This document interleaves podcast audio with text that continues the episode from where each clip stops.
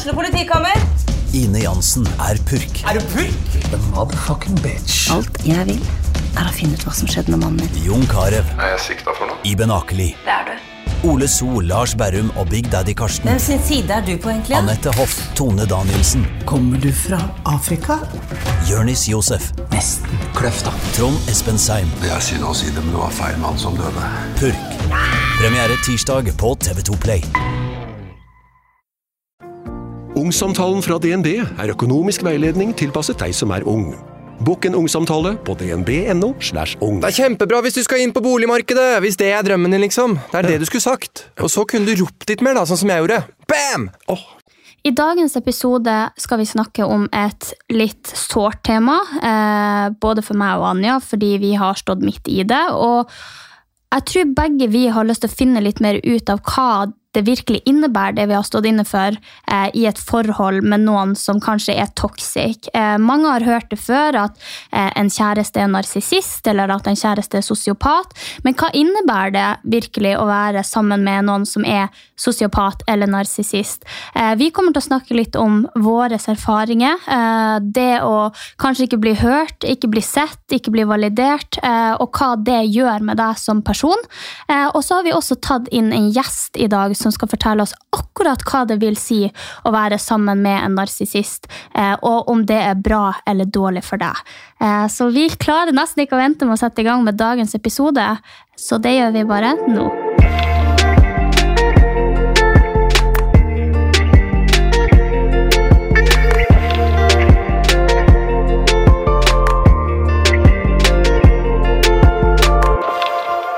Vi hører jo titt og stadig om narsissister, og dere har sikkert hørt det, dere også. Man sier ofte det, ja, men han er jo narsissist hvis han ikke bryr seg om deg, eller bryr seg om hva du føler. Eh, og veldig mange kjenner seg igjen i det. Eh, og å være narsissist er jo faktisk en personlighetsforstyrrelse.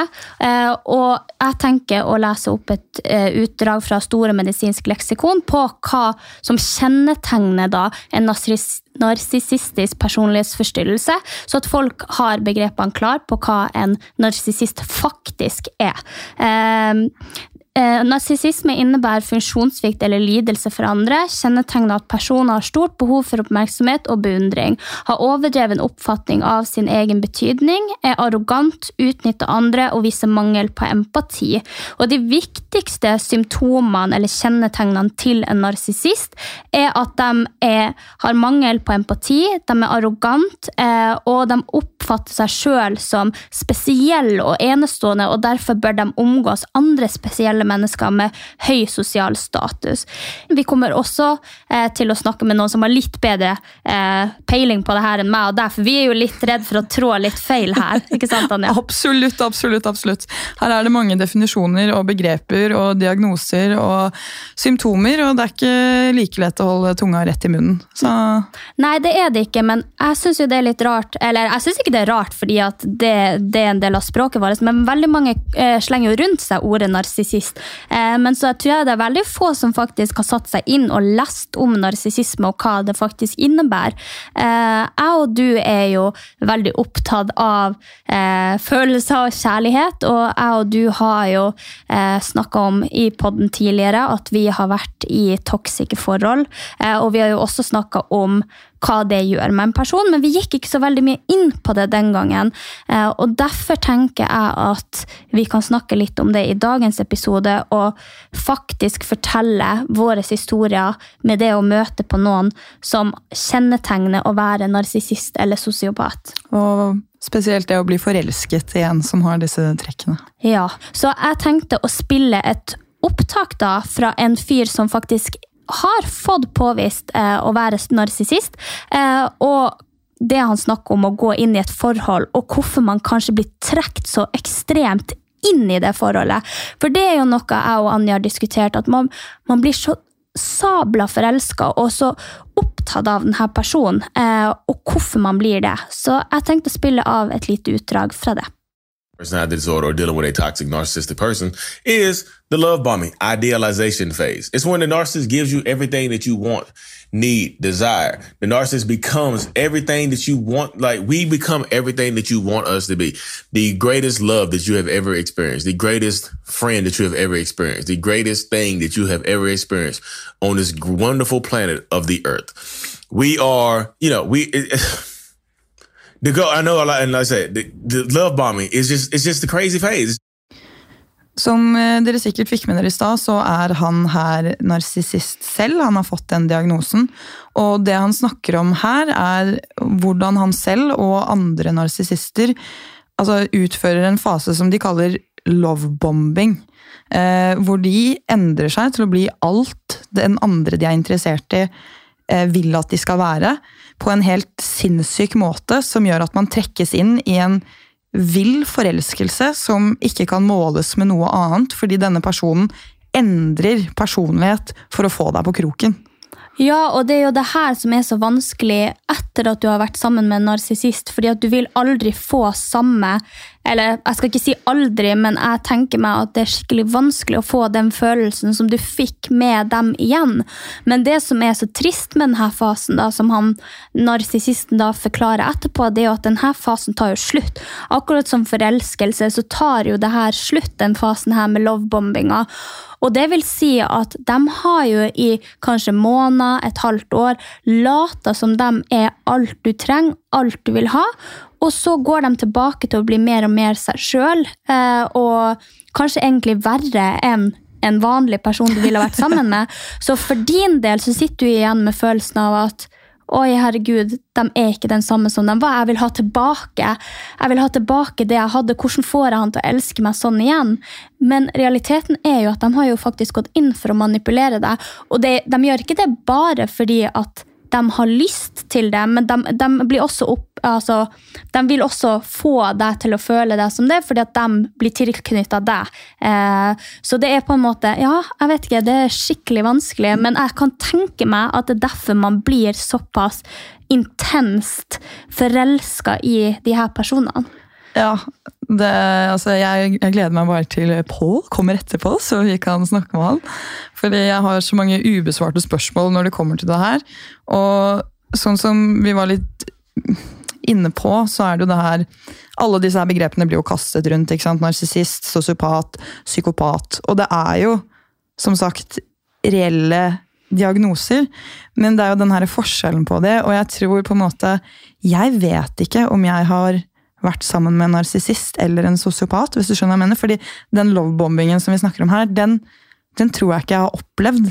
Men allikevel, det jeg har blitt trukket inn i, har jo vært såpass giftig og sykt at Og det som har blitt gjort, har jo Det er jo ikke normalt, ikke sant? Og den der følelsen, fordi sånn som du sa innledningsvis, da, så er jo et av symptomene her å ikke ha empati. Og det er det jo for sosiopater og psykopater også å være i forhold med noen som ikke har empati, og ikke klarer å føle med deg, og som ikke eh, validerer dine følelser, eh, det er så vanvittig ødeleggende. Fordi med alt dette her hele tiden, og som er pirk på deg, alt du gjør feil, hvor teit du er, hvor dum du er, du har aldri rett, eh, så vil du til slutt miste all selvtillit, da, og du vil begynne å tvile på dine egne følelser, fordi den du er aller mest glad i, forteller deg hvor feil du tar, og hvor dum du er. At du til slutt, når du har fått hørt mange nok ganger, så tenker du at 'jeg må jo være dum'. Det er jo han som har rett. Eller ja. hun. Ja. ja, fordi jeg har jo vært i et forhold der, der eh, jeg har opplevd flere ganger den lovebombing-fasen, i hvert fall to. Eh, og det som har vært veldig vanskelig for meg, er at jeg forelsker meg i en person som egentlig ikke er en virkelig person. Fordi eh, den kommer aldri til å bli denne personen igjen, og de har egentlig aldri vært denne personen. Så når jeg går ut av forhold med dem, så kjenner jeg meg nesten ikke igjen i hvem det er jeg faktisk har vært sammen med. Eh, og mine opplevelser i toxic forhold er jo mange, eh, men det som kanskje jeg syns er verst, det er på en måte de her hersketeknikkene de bruker på det, som f.eks. silent treatment, eh, når de lar være å svare deg eh, hvis du kommer med et problem eller føler deg eh, dårlig eller eh, skal ta opp en diskusjon, for det må man som oftest gjøre i et forhold, eh, og du blir møtt med veggen til du begynner å tvile så på deg sjøl at du tenker at ting er din feil. Eh, og så har jeg jo også liksom opplevd veldig mye det her at de, de, de hyller seg sjøl så mye, og at de, er de sjøl er så bra. Og da føler jo du deg med en gang liten, fordi at de, samtidig som de forteller hvor bra de er, så pirker de på ting som du gjør. Eh, enten at du ikke er god nok i det, eh, eller at du aldri vil få til det. Eh, at, du, ja, at du gjør ting som ikke tilfredsstiller dem. Og det som jeg har syntes vært så vanskelig i her forholdene, er jo at du kan jo egentlig aldri tilfredsstille en narsissist. Eh, eh, når jeg snakker om det, så føler jeg at det er mer er narsissisme. Du kan jo ikke tilfredsstille dem, for de vil alltid komme med nye krav for at de tror så høyt om seg sjøl. Mm. Eh, og det kan jo ødelegge selvtilliten til noen som eh, har et normalt følelsesspekter, fordi at du hele tida går og tenker at noe er feil med deg. Det er jo helt jævlig! Ja, det er jo det. og hvis du er der for lenge, da, for jeg tenker jo sånn her fordi sånn som deg da, hva, Hvis det kom en sånn situasjon hvor dette her dukket opp, hvordan var det i starten for deg da? Kontra hvordan det ble på, på slutten? Hva, du Mer- mener startfasen av forholdet? Ja, altså sånn, Når det, dette, disse tingene først begynte å komme, da, for jeg regner med at det ikke var der i starten, Nei. men eh, at når de først begynte å komme, sånn, hvordan selvtilliten din og hvordan du møtte det var kontra på slutten? da? Eh, ja, altså jeg har alltid vært en person som uh, er veldig sterk. Jeg har veldig ryggrad, har veldig mye bein i nesa. Uh, har vokst opp med en alenemamma som har klart alt sjøl. har valgt et yrke som ikke alltid har vært like populært, liksom. Så jeg føler jo at selvtilliten min har vært god. Så når jeg da i et forhold opplevde at jeg ble helt rasert, at jeg bare kom ut av forholdet og bare kjente meg som en uforma skumklump som ikke hørte til her, eller ikke var bra nok, eller ikke fikk til ting, så kjente jeg på slutten at jeg ikke strakk til, og jeg tror den vanskeligste følelsen min i sånne forhold er at jeg har så lyst til at det skal fungere, sånn at jeg strekker meg så ekstremt langt eh, før jeg skjønner at det ikke går. Så jeg gir jo alt til de her personene, og eh, har jo vært fanga i det her eh, flere ganger, og syns det er ekstremt vanskelig. Og jeg tror også at jeg blir fanga i de her situasjonene fordi jeg har eh, ja, jeg har eh, familierelasjoner der noen sliter av personlighetsforstyrrelser, og det er kanskje derfor også jeg tiltrekkes det og har opplevd det mer enn én en gang i et forhold. Så starten er jo veldig fin, og jeg føler meg tipp topp. Jeg føler meg som verdens beste jente. Det, de ser bare meg. Eh, jeg er deres ultimate fokus. Eh, de har aldri vært så forelska, de har aldri elska noen så mye.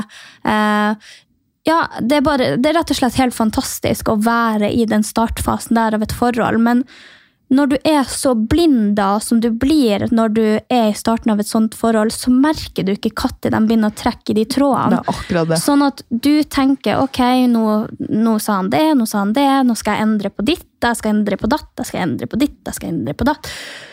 Og så bare det, det, og For meg tok det kanskje et halvt år før jeg skjønte at oi shit, det her er ikke normalt. Eh, nå vet jeg ikke hvem jeg er lenger. Eh, jeg klarer ikke å gjøre noe riktig, og denne personen eh, er fullstendig endra. Den kommer ikke tilbake til det den var. Eh, så for min del så var det veldig vanskelig å skjønne det her før jeg faktisk var ute av det. Eh, jeg skjønte jo at eh, selvtilliten min ble mindre og mindre, og at ting kanskje ikke fungerte optimalt i forholdet. Men jeg ville jo ikke innrømme det for meg sjøl. Fordi at jeg var så forelska i starten og tenkte at det her er mitt drømmeforhold. Eh, Så jeg så ikke det før kanskje fire måneder etter at det var blitt slutt. Mm, og så vil man jo alltid tilbake til det, ikke sant? og man sitter jo med den i bakhodet at ja, men det har vært så bra, så da kan det bli så bra igjen. Men det er jo nettopp det det ikke blir, hvis man er sammen med noen som har denne personlighetsforstyrrelsen. Og vi vet jo ikke Nå snakker vi bare om hva vi har opplevd selv, så det her er jo ingenting vi vet. Men noen av disse trekkene her, da, jeg føler at sånn Alle møter på en eller annen som har noen av disse trekkene, enten det er en jente eller en gutt, enten om det er noen på arbeidsplassen, en venn av en venn, en god venninne, eller om det faktisk er partneren din, så er det lett å komme borti disse menneskene. Og jeg tror mange kanskje tar avstand og på en måte kommer seg bort fra det. Og så har man noen som blir tiltrukket det, eh, og blir fanget i det. da. Og det er jo litt mer over på den sosiopat-psykopat-skalaen at man på en måte velger seg ut ofre, da. Eh, og det er litt her, det her må vi jo spørre Pål om etterpå. Mm. Eh, om det er med hensikt, eller hvordan dette her fungerer. Men som oftest så er det jo de med liksom ikke så god selvtillit da, for sosiopatene. Og det som jeg syns er skummelt, da, nå vet jeg, du vet på en måte mer om narsissisme enn det jeg gjør. Jeg er litt mer på den sosiopat-psykopat-delen. Og det jeg i hvert fall opplevde som vanskelig i mitt forhold, da, uten å si noe om hvem som var hvordan, holdt jeg på å si, var jo at den personen jeg så hjemme, og som gjorde alle de tingene med meg, og som sa alle ting til meg eh, Folk utenifra som så han, kunne jo ikke tenke seg at han var sånn. Jeg var sånn, nei, å, Han er jo verdens snilleste og mest forståelsesfulle menneske. Og at man da på en måte, i til og med når man prøver å si ifra, blir møtt av uforstående mennesker fordi denne personen er så god til å spille skuespill og er så god i det sosiale gamet at, at alle rundt bare tenker at det er du som er gæren. da. Og når i tillegg den personen forteller at ja, men du er gæren, og så prøver du å fortelle vennene dine eller bekjente om det, og de bare nei, nei, herregud, det kan ikke være så ille, og ingen tar deg på alvor, da er det skummelt. Ja, for da begynner du jo litt å tvile på om det du opplever faktisk er reelt, eller om det er du som kanskje setter eh, krav som er unreasonable. Eh, og det her kan jeg kjenne meg igjen i, fordi at jeg har eh, noen i veldig nær familie som har opplevd akkurat det samme som du forklarer her. at den personen som da lider av en forstyrrelse, er så god og, og så sjarmerende og karismatisk. Ja. Mm. Og det er jo også et, et trekk som eh, er med mange av de her personlighetsforstyrrelsene, også narsissisme, at, at, hvis du i tillegg er karismatisk og sjarmerende, så vil jo ikke folk tenke at du er sånn. Eh, og jeg tenker det er veldig vanskelig når man blir fanga i det og blir fanga i det forholdet, fordi at man møter jo veldig mange ulike mennesker, og det er veldig ulikt eh, hva man kan kalle en narsissist og hva man kan kalle en psykopat, for det er jo forskjellige grader. Og så er det jo veldig få som faktisk går inn og får den diagnosen. For det vil de jo ikke. Eh, nei, for det vil de jo ikke. Eh, så jeg tenker også når vi prater her, så må dere også forstå at vi prater ikke om én spesifikk person, eh, og vi, vi direkter ikke det her inn på eh, noen spesielle, eh, men nå snakker vi bare om erfaringer som vi har møtt på i hele livet vårt. altså mm. Ting som har oppstått. Så ikke begynn å knytte til personer. Eh, det er dere, Vær så snill. Noen av dere veldig ja, veldig flink til. Så det måtte jeg bare obs, obs. Eh, men som du forteller, å være sammen med en psykopat, det som er det verste der, det er jo at du ikke blir trudd fordi at alle andre utad tror at det er du som er problemet. Jeg tror også det er derfor på en måte de velger de svake ofrene, fordi at de tenker at ingen hører på henne uansett, ingen tror på henne uansett. Og da kan de på en måte forme deg litt. Mm. Som, som liksom kram snø, så kan de forme deg akkurat sånn som de vil. Og det er jo akkurat det. Og sånn som jeg opplevde da, så var det veldig det derre i starten av forholdet så følte jeg meg allerede veldig ekskludert av liksom alle vennene mine. Dette har vi jo gått gjennom før, eh, med hele min bakgrunn og alt dette her. Men jeg følte meg veldig alene, og da jeg da møtte han her, så hadde han en så enorm forståelse for meg og støttet meg så mye og var Ja, ok, kanskje, ja, kanskje han var litt sånn fantastisk da med den sånn lovebombing, men han på en måte forsto meg på en måte ingen hadde forstått meg på. Noe som også var helt unikt. Men det han også gjorde etter hvert, var jo å begynne å så disse frøene om hvor dårlige venninnene mine var. Og at de ikke var ekte venner, og at uh, familien min var sånn og sånn. Og på en måte la de frøene inn i hjernen min. At det på en måte var det var kun han i hele verden som kunne forstå dette. her. Det var kun han som på en måte kunne redde meg fra tankene jeg hadde. Det, det var bare han. da. Det blir en sånn en strategi som bare er så som vokser seg større over lang tid, om at det er jeg og deg mot verden, og ingen andre kan måle seg med det. Og mammaen min har jo vært en veldig stor del av livet mitt helt fra jeg var liten, og hun har vært med på dette her, og jeg tror to måneder inn i dette forholdet så sa hun du må gjøre det slutt. Du kan ikke være sammen med denne personen lenger. Og jeg gjorde det slutt Jeg tror vi hadde vært sammen i fire måneder før jeg gjorde det slutt første gang. Og så ble vi sammen igjen, og så slo vi opp, og så ble vi sammen igjen. Og, Men var det, kan jeg spørre deg, var det for at du ikke følte at noen kunne måle seg med han? og Han var den som kunne gjøre deg lykkelig, han var den som bestemte om du hadde en god eller en dårlig dag. Absolutt. Og jeg husker jeg fikk jo ganske mange ultimater. F.eks. for eksempel at jeg midt på natten måtte kjøre scooter til dit han bodde. Altså sånn mopedscooter. Eh, som går da maks 40 km i timen i nedoverbakke. Eh, og det tar eh, normalt 30 minutter å kjøre dit i bil. Midt på natten måtte jeg kjøre dit, ellers så slo han opp. Og jeg kunne jo ikke miste han, for han var jo den eneste ene. Så derfor måtte jeg gjøre det. Og jeg fikk så kjeft av mamma. Og jeg måtte skulke skolen. Hvis jeg ikke gjorde det, så skulle han slå opp. Så da måtte jeg skulke skolen og være med han der. Ja, men jeg føler det er en sånn hers hersketeknikk for å se om han fortsatt har det. For det kjenner jo jeg også meg igjen i at de, de skal sjekke hele tida hvor de har det. De skal kontrollere at de fortsatt har et grep om deg, at de fortsatt kan bestemme hva du skal gjøre, eller at du skal snakke til dem, eller at du skal ville ha dem. Mm, det er akkurat det. Og det jeg merket veldig, da, var at da jeg faktisk begynte å komme ut av dette her, så ble jo de metodene mer og mer drastiske. Eh, så det som eh, skjedde med min, altså min kjæreste, var jo at han eh, Da jeg faktisk gjorde det slutt og prøvde å Nå vil jeg ikke ha mer kontakt, så begynte han jo å skulle ta livet sitt. Så det fortsatte han jo med i mange måneder. Og jeg har vært flere runder med politiet og lett etter han. Det har vært så mange kryptiske meldinger, og jeg fikk bilder av at han kuttet seg.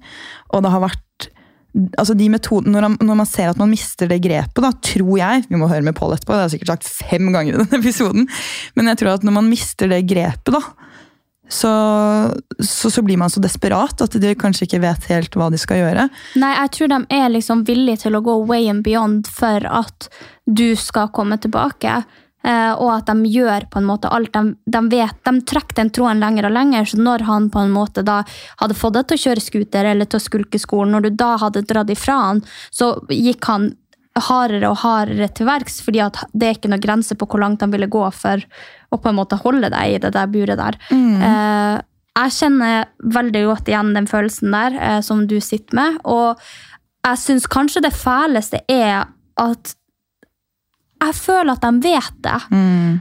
de, de, må kjenne det inni seg at det her er ikke sunt, det her er ikke sånn man skal oppføre seg, men allikevel så gjør de det.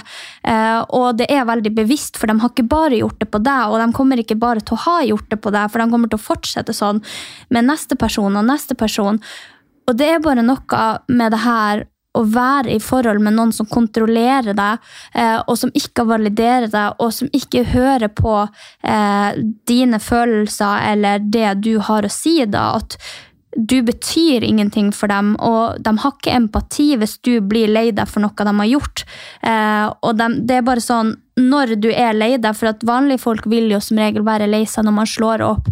Jeg føler at de her personene blir ikke direkte lei seg eh, når dere slår opp, fordi at de har ikke så høyt følelsesspekter for andre mennesker. Men de har jo fortsatt et behov for å holde deg igjen.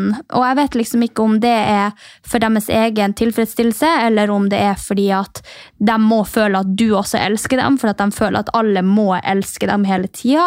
Jeg klarer bare ikke å skjønne hvorfor de ikke kan gi slipp på deg da, når de ser at du har det vondt. Eh, Bryr de seg ikke om du har det vondt, liksom? Nei, det er akkurat det. Og det spørsmålet her har kommet opp så sykt mange ganger i samtaler med f.eks. mamma. da. Fordi jeg, jeg, altså jeg gikk jo inn i et annet forhold og hadde fremdeles nesten kjærlighetssorg over han her. Eh, og det satt igjen ekstremt lenge, og jeg tror det satt igjen i, det satt igjen i fem år. Ja, at jeg på en måte ikke klarte å han, han ga ikke slipp da, i bakhodet der, fordi at han hadde sådd det frøet om at det var kun han som forsto meg. Men igjen så virket han jo lei seg. Han var jo kjempetrist for at, for at det var slutt. Men sånn som mamma sa, så var hun sånn Det er bare et spill for å få deg inn igjen. Og det satte meg skikkelig sånn ut, fordi om det kun er et spill for å få meg tilbake igjen, har på en måte er hele forholdet vårt basert på en løgn, og kun basert på at han skal ha kontroll, og at det er den, den makten han føler på, da, og ikke har vært like forelsket som det jeg har vært. Nei, det der det er liksom Jeg tror det er et stort spørsmål for mange som har kommet seg ut av forhold der de har vært involvert med en narsissist eller vært involvert med en psykopat eller sosiopat. Eh, har, de har, har de muligheten til å elske noen eller være forelska i noen? Har de, eh, har de noen gang vært forelska eller elska meg i det forholdet, eller er det bare spill? Jeg, jeg velger å tro, frem til vi har snakka med han, at eh, de faktisk kan føle noe. For jeg, jeg, bare klarer liksom ikke å skjønne hvorfor du skal være med en person og denne lovebombinga, gjøre alt og bli den personen her eh, andre personen da ønsker, hvis du ikke føler noe for dem. Jeg tror i begynnelsen at de føler noe, men jeg tror at de med en sånn personlighetsforstyrrelse kanskje også kan switche like fort av. Eh, som normale folk kanskje ikke kan gjøre switch av feelings. At de eh, på en måte bare ja, skrur den bryteren av. da. Nå har det vært nok, nå er de ute av forelskelsesfasen, de har blitt seg sjøl.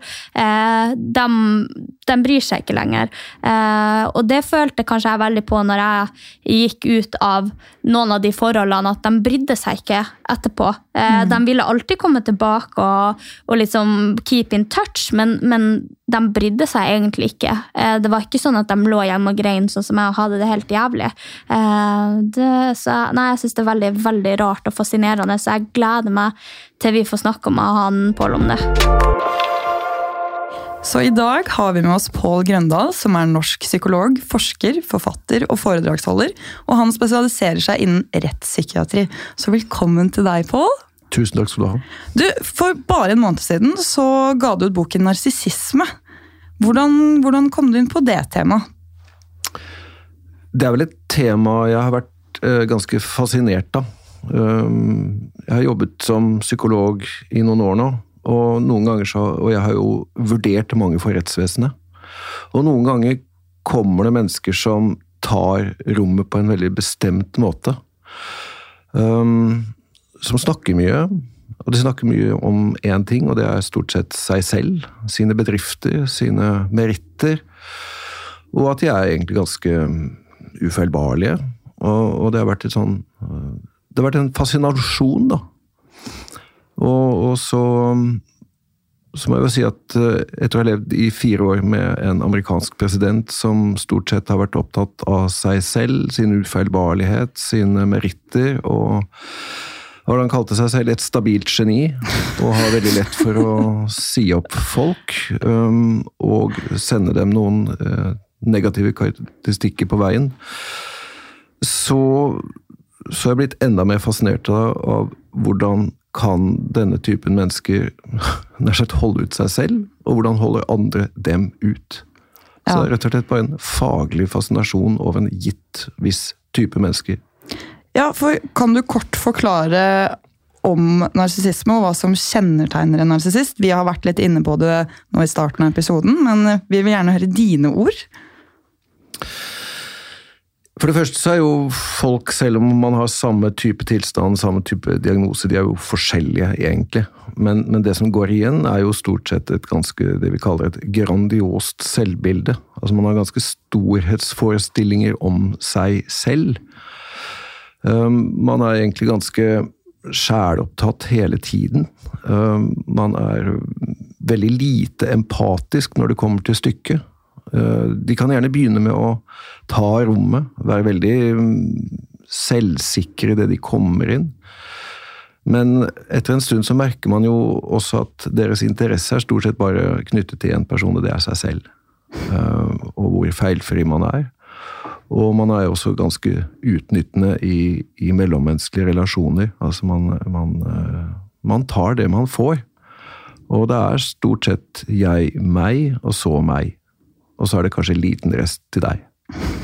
Ja, for vi har jo snakka en del om eh, det her før du kom, eh, og vi har jo på en måte kjent igjen noen av de her trekkene. Nå har jo vi bare lest det som står lett tilgjengelig for oss, mm. men vi vil jo også på en måte gå i dybden på det. For det er jo veldig mange der ute som bare slenger ut 'du er narsissist' eller 'han er så mm. narsissistisk', uten å faktisk vite hva det innebærer å være det.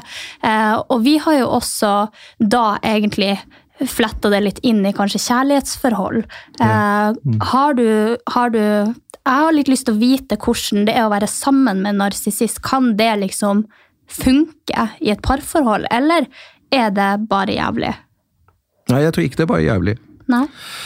Um, jeg tror absolutt, og særlig i starten av et sånt forhold, så tror jeg kanskje at man, uh, man får sine drømmer.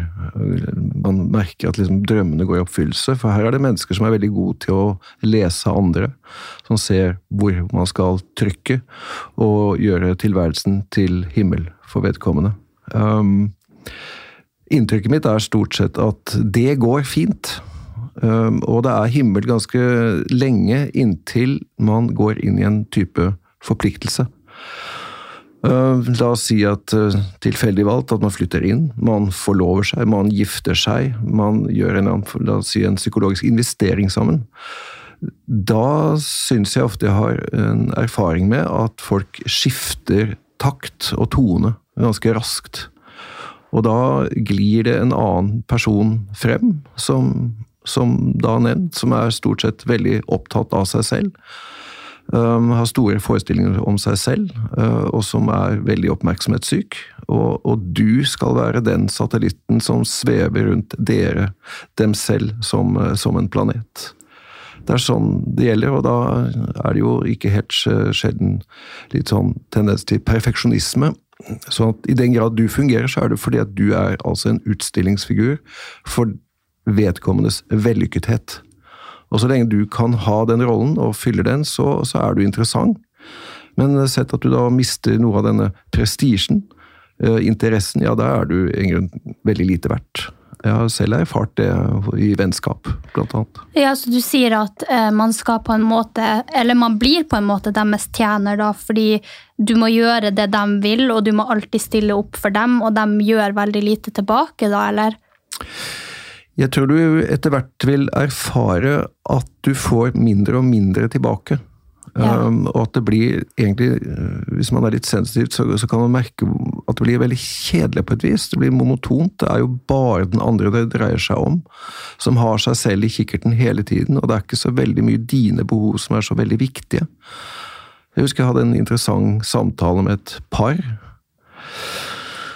og hvor den ene sier at når vi kommer på et hotellrom, så pakker den andre ut sine skjorter, sin, legger sin koffert på det beste stedet, legger alle sitt tøy i de øverste skuffene og tar hele rommet. Mens den andre hadde da veldig lite plass igjen. Alle hengerne var opptatt, skuffene var stort sett opptatt, så man vedkommende måtte liksom stue seg selv bort et hjørne. Og så sa han og sånn er det nesten blitt i dette forholdet, jeg er egentlig ingenting lenger. Og det kunne jo ikke noen andre forstå. Nei, for jo, jeg tror det er vanskelig for noen, og spesielt hvis du ikke Jeg føler at det er veldig få eh, som har narsissistiske trekk, eller som har den personlighetsforstyrrelsen, som egentlig vil anerkjenne at de har den. Fordi for en person som har så storhetsfølelse, så vil du jo ikke si at noe er gærent med deg. Du vil jo gjerne altså, legge det over på at det er noe gærent med noen andre. Så jeg tror jo det er veldig vanskelig for personen da, som er i et forhold med en sånn person, fordi at jeg tror ikke narsissisten i forholdet har det samme bildet som kanskje du sitter igjen med. Nei, det er nok riktig. Det er veldig lite empati der, og, og legger nok ikke så veldig mye merke til deg, egentlig. Så, så, så du er som nevnt denne satellitten som flyter rundt denne planeten av selvopptatthet, som Mitt kliniske inntrykk er når jeg har mennesker som jeg tenker at du har nokså tydelige narsissistiske trekk, det er at jeg begynner å kjede meg. Ja. Jeg får veldig mye av den samme historien hele tiden servert. Eh, og jeg lurer på Til slutt så begynner jeg å si det. Hvor, altså Dette sa du egentlig forrige time, vil du virkelig betale meg for at du skal si akkurat samme greia? Og så er det som jeg får et blikk. Skjønner ikke. Og så går de videre. Som om, som om jeg ikke hadde sagt noen ting.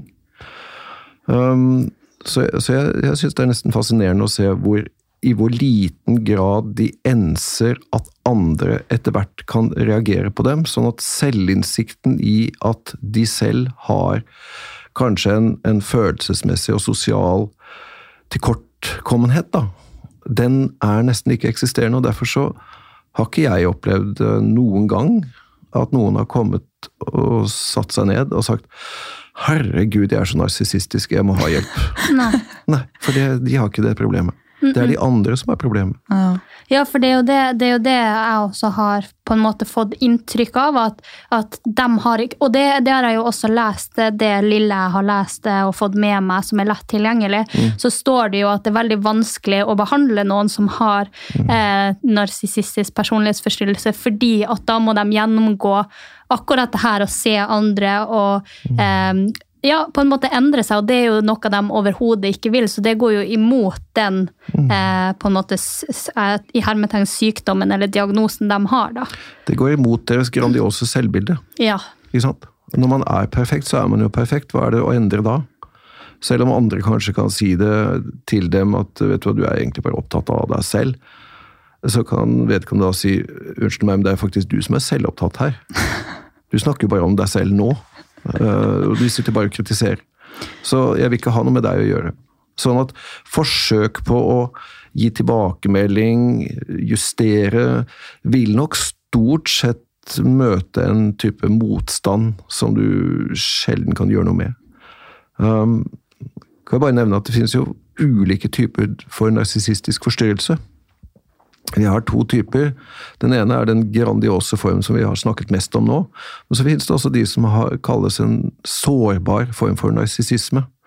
De er nok mer introverte og stille, og som er litt mer grublende, mistroisk, misunnelige, som tenker at de har en berettigelse som de ikke har fått. Altså hvorfor, hvorfor går liksom alle andre forbi meg i forfremmelseskøen? Hvorfor er ikke jeg Hvorfor blir aldri jeg innkalt til å være statsråd, eller hvorfor får jeg aldri en høyere stilling?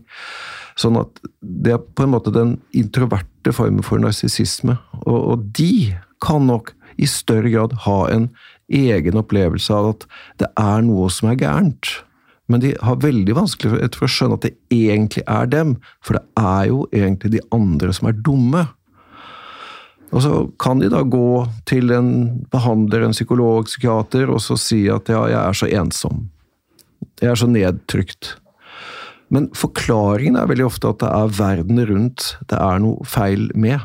Altså, ja, Grunnen til at jeg ikke fikk den stillingen, er jo selvfølgelig at, uh, at hun er rasist.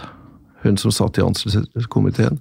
Um, de ser faktisk ikke min innsats. Uh, De ser ikke hva jeg gjør. Og så går man rundt og er grublende og bitter og introvert og tenker at, uh, at, at jeg blir urettferdig behandlet. Uh, Så det er en stille form for narsissisme. Men er det her arvelig, eller er det miljøbetinget? Ja. Begge de ja, ja takk, begge deler. Ja, det er begge deler. Uh, og stort sett når du spør en psykolog eller psykiater er det arv eller miljø, så er det ja takk, begge deler. Ofte. Um, vi regner med at hvis du har personer, altså foreldre, som er narsissistiske, så har du høyere sannsynlighet for at du selv utvikler en form for narsissisme. Men det hjelpes veldig godt av miljøet. Ja. For hvis du da enten har foreldre som er nokså likegyldige og narsissistiske sjøl, så kan du være født inn med en sårbarhet genetisk for å utvikle narsissisme, og hvis foreldrene da er faktisk genuint selvopptatt, så er det ikke så veldig mye overskudd til denne ungen. Som kanskje da allerede fra spedbarna begynner å søke etter foreldrenes blikk. altså Det, det ser man på studier, at spedbarn søker blikk, de søker kontakt hele tiden. og Hvis, hvis mor bare ikke har tid til dette lille nurket, så, så går dette her nokså systematisk gjennom livet at, at barnet får aldri den oppmerksomheten som det, som det strever etter. Og så er da en teori, da, det er jo at barnet som etter hvert vokser til, blir 10-12, ungdom, tidlig voksen, hele tiden strever etter å få den oppmerksomheten og kompenserer den lave selvfølelsen med selv å bli grandios og, og få storhetsideer. Ja, for det er det. For de virker jo som at de har et veldig eh, altså, sikkert selvbilde, da. Mm. Men det er egentlig bare en maske. Ja, Det diskuterer vi, og, og, han Alf A. Dahl, han psykiateren som jeg skrev denne boken med, vi, vi hadde en veldig spennende utveksling på akkurat det. For jeg mente at det var denne det som vi nå har snakket om, er kompensasjonsteorien. Altså at vi kompenserer for et indre, tomt selvbilde ved hele tiden å være grandios og gjøre seg stor og, og, og flott. Mens Alf sier at studier viser at eh, en del av dem er rett og slett bare de er genuint født inn med et selvbilde som er helt blåst ut av proporsjoner. og at det kan ha en arvelig komponent. At, og da er det jo fint lite å gjøre med det, da. Men jeg tror på en måte at du kan ha, at det kan være som du sier, at det kan være begge deler. fordi at jeg føler at hvis, hvis du da bare hadde en maske på deg, Mm. eh, og du f.eks. var i et kjærlighetsforhold med noen over såpass lang tid, så ville du kanskje se at denne maska løsner litt, hvis det bare var en maske. Men jeg vil tro at dem som har en sterk grad av narsissisme, dem tror jeg faktisk må være tru oppi sitt hode at de Mm. er mye viktigere enn alle andre. Ja, da, da føyer du deg til den forskning som tilsier akkurat det. Ja. Nemlig at noen er, har grunnleggende et så oppblåst selvbilde at, at, at det bare er medfødt, nærmest. Som en genetisk sårbarhet. At jeg er jo egentlig ganske suveren. Men hvis man er så altså, selvopptatt, da, Mm. hvordan er det da å være i relasjon til andre? Altså, er det faktisk altså, For det har vi diskutert litt. Sånn, er det faktisk mulig å elske noen andre, da? Når man setter seg selv så høyt. Hvordan vil det fungere da? Du er nok i stand til å inngå i relasjoner. eh, altså Narsissisten kan godt gå inn i relasjoner, og, og, og vil nok bruke deg delvis som trofé for seg selv, og delvis som trofé for andre. Ja, selvfølgelig finner jeg meg dame. Klart det. Ja. Men elsker de deg? Og, og, eller er det en følelse de kanskje får i starten, som går over sånn, og så bryr de seg ikke noe mer? Fordi at, nå har jo jeg, eh, tror jeg, mm. kan ikke si det, for personen har jo ikke blitt utreda, det er to personer da, Mm. Jeg har ikke blitt utreda og fått eh, denne diagnosen stilt. Men jeg føler at når på en måte jeg har gått ut av forholdet med dem, så bryr de seg ikke i det hele tatt. Ja. De bare stenger rett av. Ja. Fordi at de kan stenge av følelsene sine fordi at du er ikke viktig nok for dem. De er bra nok som de er, og de kan få noe annet lett som bare det. Så de bryr seg egentlig ikke om at det blir slutt. Og det får jo meg til å tenke, hvis man kan slå av så lett etter et forhold, har man da elska noen på ordentlig? Det er klart at når du går ut av forholdet fra dem, så vil jo de øyeblikkelig si at ja, det, det er din feil. Så da er det bruk og kast. Jeg satt og tenkte på mens du snakket at jeg tror det handler som, omtrent som å kjøpe en ny ting. Altså en ny eh, smarttelefon er veldig gøy når du først begynner å bruke den. eh, Et splitter nytt stereoanlegg er kjempegøy en god stund. Du er litt lykkelig en stund over det der stereoanlegget.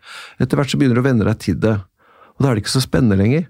Sånn tror jeg kanskje at en del av disse har det med relasjoner også, at det er ganske gøy og spennende en god stund. Men så er du kanskje ikke så spennende lenger i lengden.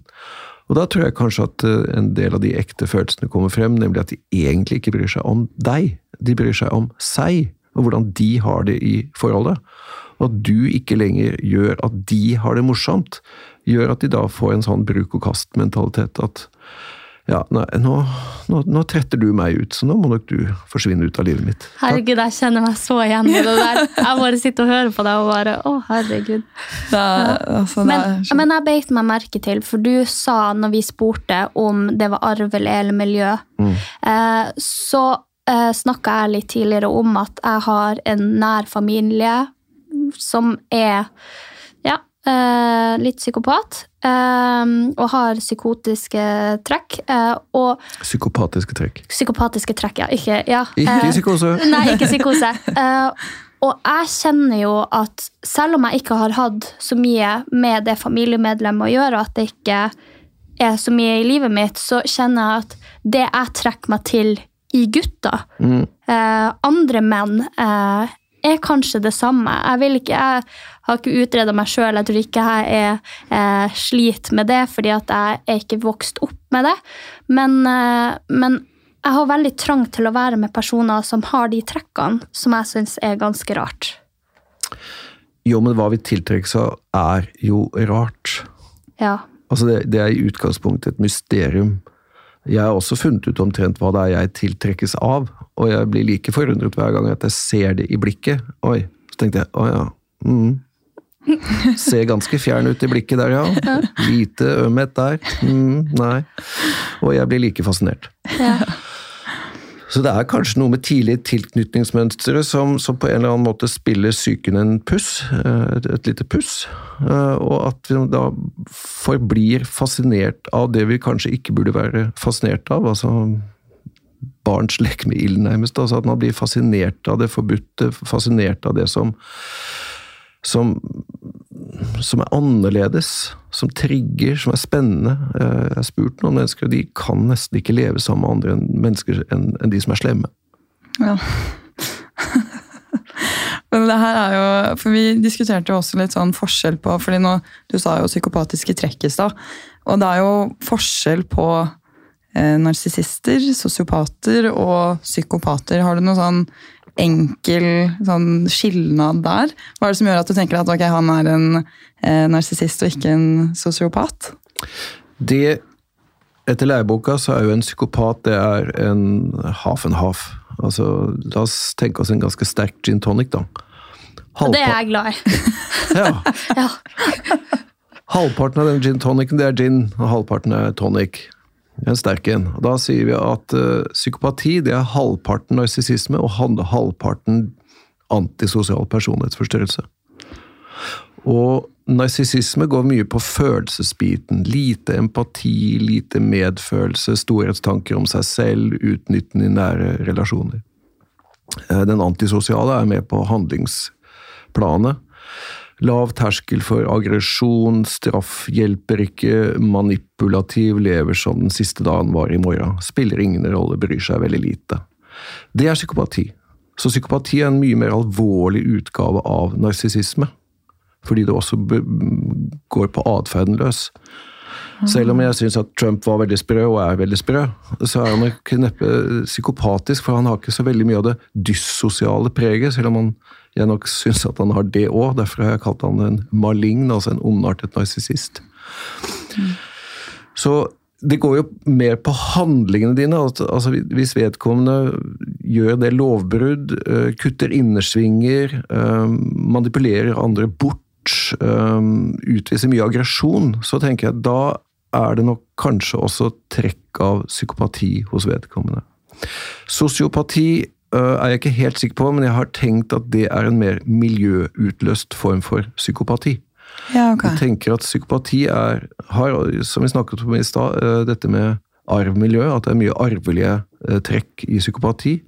Mens noen vokser opp i så skal jeg banne da, jævlige miljøer at de ikke har kjangs til å lære seg å oppføre seg noe sted. Det er bare rus og vold og helvete hele tiden. Så de blir ganske antisosiale selv. Altså en miljøbetinget form for eh, psykopati. Det er min tanke om sosiopati. Altså at det er liksom miljøet som utløser psykopatien, for å si det sånn. Henger dere med? Vi henger med. Jeg blir, eh, jeg blir målløs. For jeg, jeg bare tenker at vi må rett til bokhandelen og kjøpe denne boken. Ja, jeg er veldig interessert i dette temaet. Det er liksom noe jeg tenker at er lurt å lære litt mer om, fordi at da vet du kanskje når du møter på de personene, og hva du kan forvente. Mm. Og jeg tenker jeg syns fra mitt perspektiv at det er veldig mye der ute som grenser i de områdene du snakker om, at de enten er psykopatisk, sosiopat eller narsissist. Eh, og jeg tror rett og slett at det samfunnet vi lever i nå også, er med på å oppfostre de her narsissistene, sosiopatene eh, og psykopatene. fordi at den verden vi lever i nå, handler bare om å altså, klatre seg opp og bli størst mulig. Og da føler jeg at da også trigger vi i gang dem som allerede har litt av denne personlighetsforstyrrelsen. Ja da, det er en tid hvor du får veldig lett boost som en moderat talent narsissist. Altså influenser, blogger, um, realityshow, um, alt det der. Uh, det er jo en veldig fin tid for mennesker som liker å eksponere seg selv, og som gjør det på en Og noen av dem gjør det på en skruppelløs måte, de skal bare ut og opp og fram. Uh, og, og, og, spiller ikke så veldig mye rolle med de andre, bare mitt image uh, bolstres. Og bare jeg kommer meg frem, så er jo det meste greit. og det er jo selvfølgelig jeg skal ikke si at man blir narsissist av å være på TV, men det hjelper godt for de som allerede er det. Jeg tenker at sånn tidligere tiders narsissisme har vært å, å, å breie seg på dansegulvet. Liksom gjøre seg gjeldende omtrent overalt på, på butikken. 'Her er jeg', og, og, kjøre på. Vår tid er mye mer i, i sosiale medier, hvor man fremmer seg selv. Uh, og, og, det er mange scener for å gjøre det. Så, så du vil med, du, ser du sjøl på reality? Det har hendt, men jeg, jeg får av og til så mye ubehag at jeg skrur av. ja. For jeg ser noe av det i hvitøyet på, på noen av dem, hvor jeg tenker at unnskyld meg, men du er Dette er det sjette showet du er med i, er, og jeg ser knapt noe sjarme.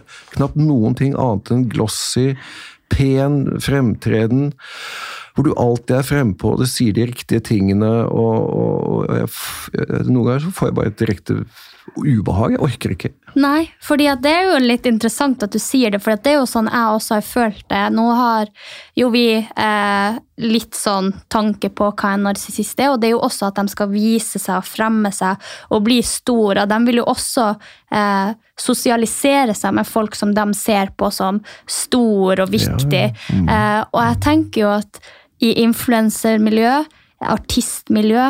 Det er jo så veldig enkelt nå å fremme seg sjøl og bli stor og flott, og alle heier på deg.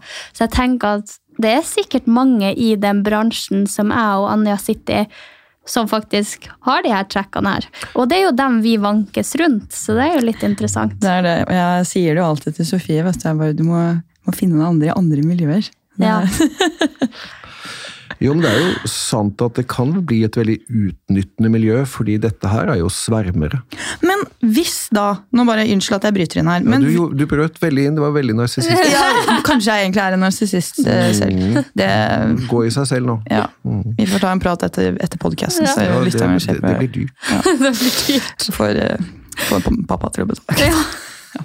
Jeg bare tulla. Babsen betaler. Babsen betaler, nei da. Men hvis da, ikke sant, hvis disse menneskene altså, passer narsissister best med narsissister? Fordi hvis det er et sånn utnyttende miljø hvor du kan vinne på den, og du kan vinne på den, mm. er ikke det liksom bra for alle parter, eller krasjer de helt? Jeg tror at hvis vi ser på de forholdene som holder lenger, med narsissisme i, i, potten, for å si det sånn, så er det nok sånn at uh, krake søker make. Ja. De trives nok bedre med hverandre. For de skjønner hverandre. Ja. Um, men det kan også være et enormt krasj, og det har vi jo sett uh, i noen rettssaker, at det er uh, Ja, det er når, liksom, når, giganter krasjer, så blir det ganske mye hyl og skrik. Uh, men, men, men, men, sånn statistisk så, så, så ser vi at, at, mennesker med narsissistiske trekk, de holder lenger på, for, lengre på forholdene, og de beholder vennskapene lenger over tid. Men, men, er ikke det litt merkelig, da, hvis man er narsissist og bare bryr seg om seg sjøl og vil gjerne at sin partner bare skal bry seg om deg og sverme rundt deg? Mm. Er det ikke veldig rart da at man skaffer seg noen som kanskje også er narsissist? For da vil det jo si at begge egentlig bare bryr seg om seg sjøl, og da får de jo ikke utløp for at de trenger all den her um, Hva det heter Oppmerksomheten? Oppmerksomheten, og, og, når du søker Bekreftelse? Ja. Da får de jo ikke den. Du får jo bekreftelse gjennom at den andre også klarer seg bra. Du kan ja. få det. Fordi ja. den har status eller blir ja. sett opp til den også, så den er det ok at du er med? Ja. Hvis du er sammen med en supermodell. Ja så kan det bolstre din selvfølelse, og det er riktig så spennende, fordi da kommer jeg ut i disse partyene som jeg ellers kanskje ikke ville blitt invitert inn yes. i. Mens det er jeg som tjener millionene, og du er supermodellen.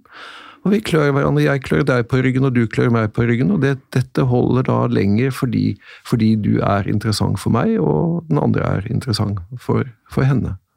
Så det Der har vi litt å å lære kanskje at liksom, ja, ok um, Hva kan jeg få ut av deg, og hva kan du få ut av meg? Altså, det, det er en sånn slags gjensidig utbyttehandel, altså, ja. byttehandel, på en måte. Men den der kjenner jeg meg litt igjen i, den han sier at, at, det skal speiles utad, så du kan være sammen med en som er veldig stor og veldig viktig. fordi at jeg husker så godt eh, en av de her folkene sa til meg at eh, jeg snakka om en jente, og så sier han ja, men hun jenta der hun har jeg aldri hørt at alle guttene vil ha, så hun er ikke interessant.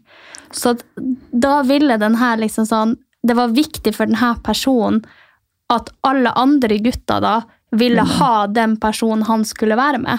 Eh, og da ble jeg litt sånn Dit ville jo ikke jeg gått, fordi at hvis alle vil ha denne personen, så er det jo kjempemye konkurranse for meg. Jeg vil jo helst ha noen som ingen vil ha, sånn at jeg har den i fred. Det tror jeg ikke noe på. Nei, men, nei, men litt sånn. Litt sånn. Eh, men, jeg, men jeg tror bare at når du er opptatt av det, da, når det, det er et kriterium, det syns jeg var veldig spesielt. Eller, ja.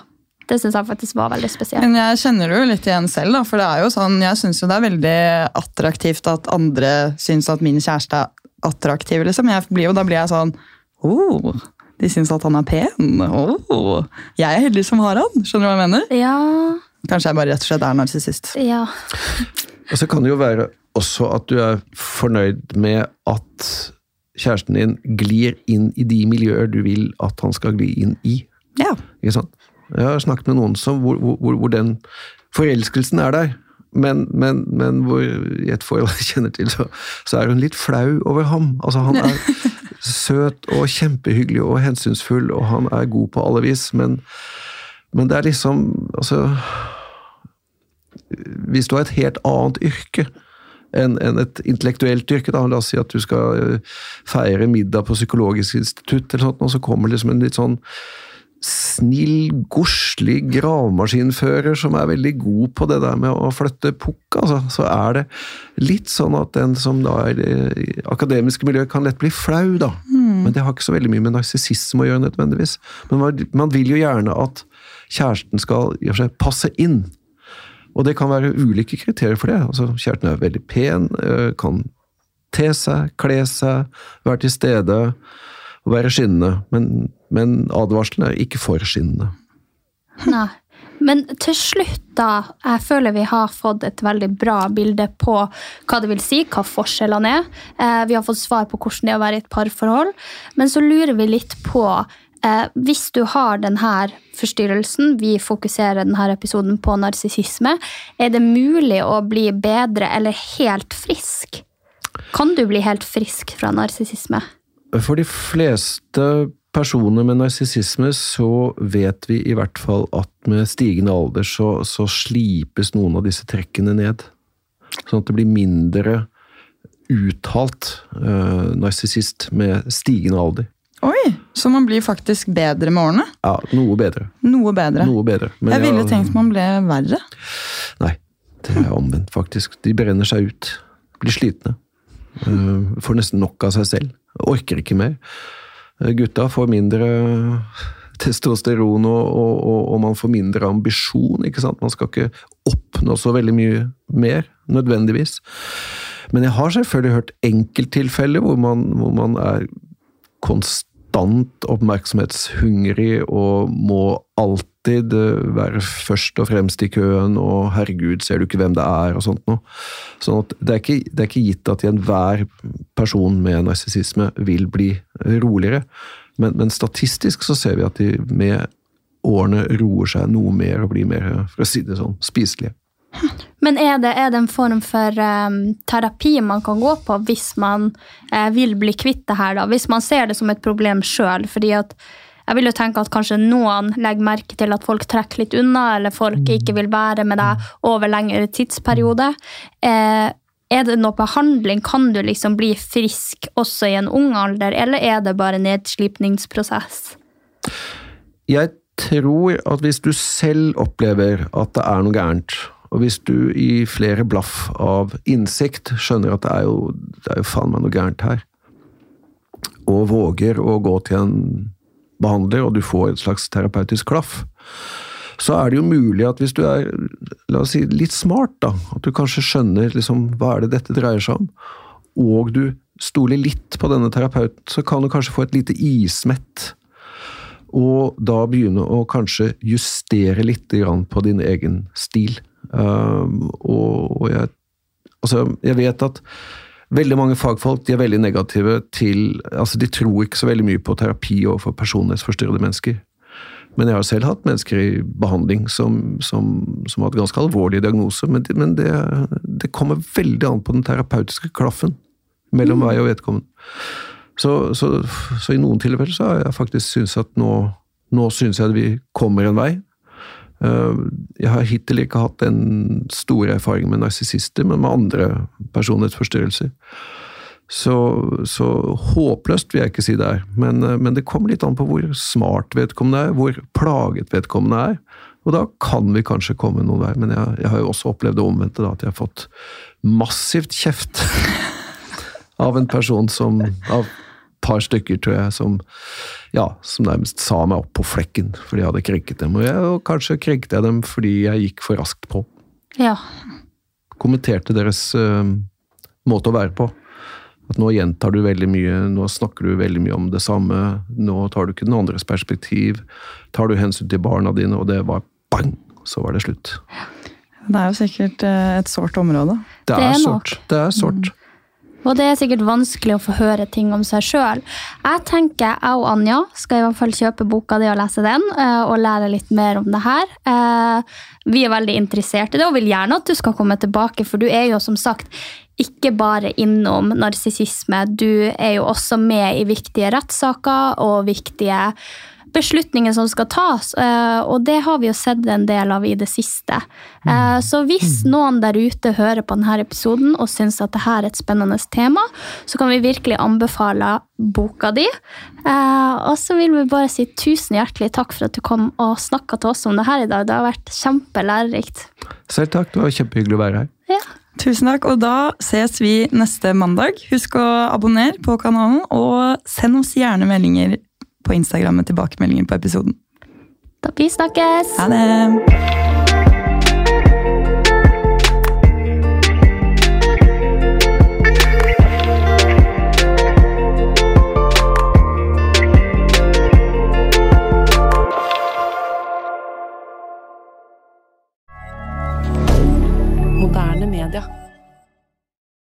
Har du et enkeltpersonforetak eller en liten bedrift? Da er du sikkert lei av å høre meg snakke om hvor enkelt det er med kvitteringer og bilag i fiken, så vi eh, gir oss her, vi. Fordi vi liker enkelt. Fiken superenkelt regnskap.